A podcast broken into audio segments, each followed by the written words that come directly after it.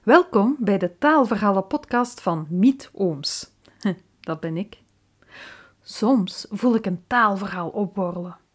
Dan trek ik me terug op mijn zolderkamertje en gooi ik het eruit. Ik typ het met mijn toetsenbord of vertel het tegen mijn microfoon, onder het dakraam, tussen mijn vier muren. Met deze podcast laat ik die verhalen los op de wereld. Voor jou en iedereen die meeluistert.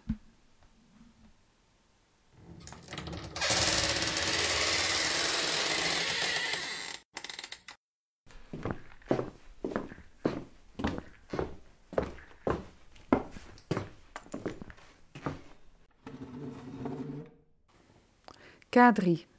Een column voor VRT van 25 oktober 2021. Een paar maanden geleden deelde een collega-vertaler een TikTok-filmpje in onze gezellige, knusse, babbelige en razend interessante vertalerskoffiehoek. Voor alle duidelijkheid, dat is een Facebookgroep waarin Nederlandse en Vlaamse vertalers, tolken, ondertitelaars en andere beroepsgenoten wel, wee en interessante informatie met elkaar delen. Een echte virtuele koffiehoek voor de thuiswerkende, vertalende freelancer dus.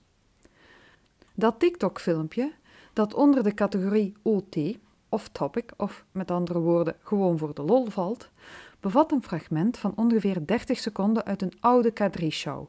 Uit de tijd dat K3 nog echt uit drie dames bestond, van wie de voornaam met een K begint. Drie Vlaamse vrouwen.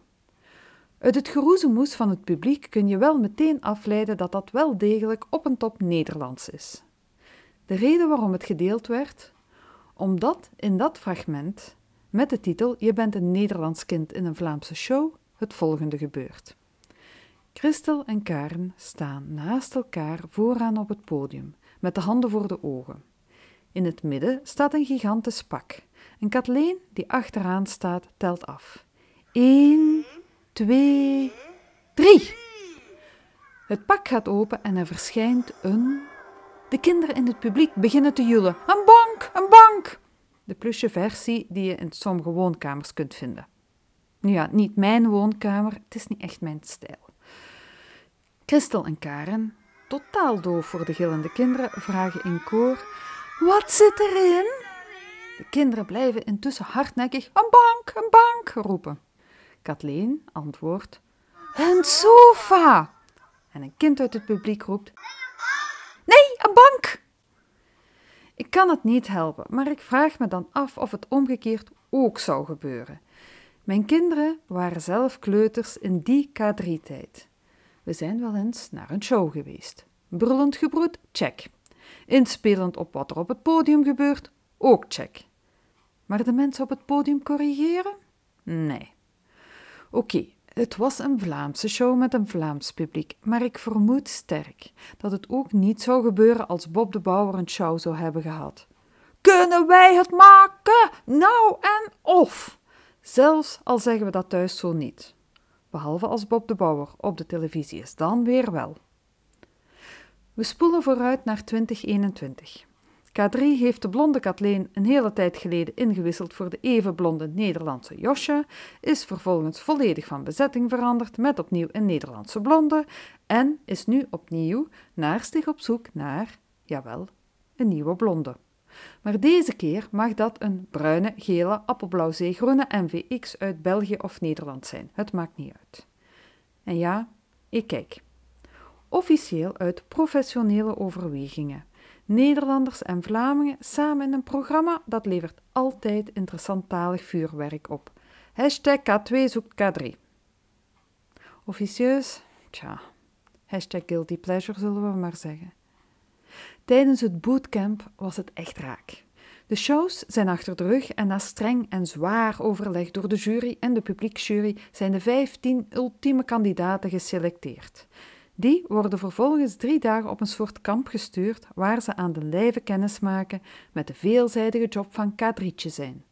Namelijk al zingend, dansend, acterend, negen shows per weekend afhaspelen en bij de laatste nog even fris en monter doen alsof het de eerste is. En ze moeten meteen bewijzen dat ze dat aankunnen. Op het einde van de tweede dag van het kamp vinden alle kandidaten na een feestje op een kussen de tekst van een bekend K3-liedje. Ze moeten hiermee de twee collega's met dezelfde tekst zoeken, een triootje vormen en dat nummer instuderen. Een bekend nummer. Je zou dus denken dat al die K3-kandidaten die tekst inclusief muziek en pasjes kunnen dromen, toch? Nee, niet helemaal. Zo blijkt de volgende dag. Wanneer één van de trio's, drie Nederlanders, twee meisjes, één jongen, onder begeleiding van de vaste Vlaamse choreograaf de pasjes goed gaan instuderen, ontrolt zich de volgende discussie. Meisje zingt de eerste regel en vervangt de tweede door na na na na na na.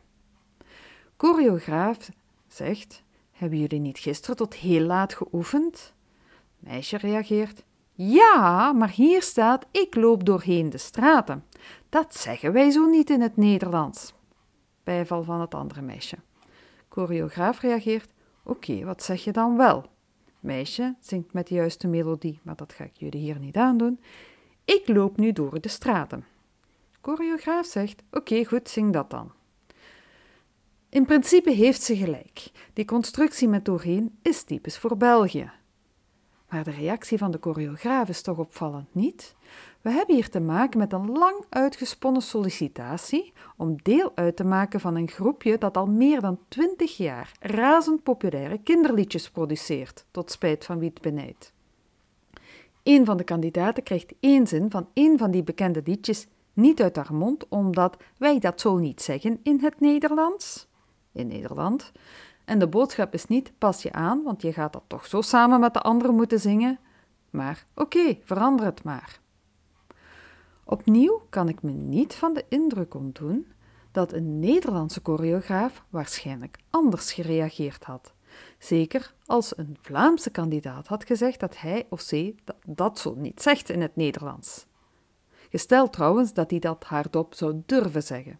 Ik kan het natuurlijk niet bewijzen.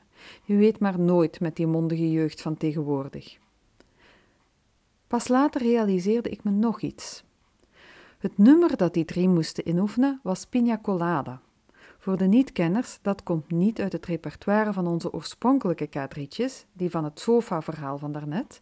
Integendeel, het is een van de eerste nummers van de huidige formatie, met de tweede Nederlandse blonde dus. En dat vind ik heel interessant. Ondanks de Nederlandse groepsleden en hun Nederlandse shows en succes hebben de latere liedjesteksten hun Vlaamsigheid gewoon behouden. En ondanks dat kregen Josje en Klaasje dat rare Nederlands zonder problemen over hun lippen. Alsof ze het nooit anders gezegd of gezongen hadden. En dat vind ik dan weer hashtag mooie Nederlands.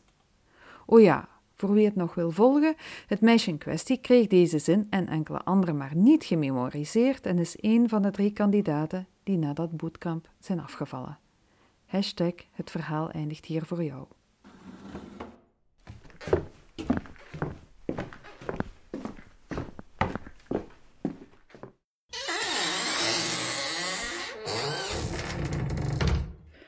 Dit was alweer een stukje taalverhalen podcast van mij, Miet Ooms. Vond je het interessant? Plezant? Vertel er dan over. Geef een review of een like, deel ze op je sociale media of laat je vrienden er gewoon naar luisteren. Want verhalen kunnen alleen leven dankzij hun luisteraars. Tot de volgende keer.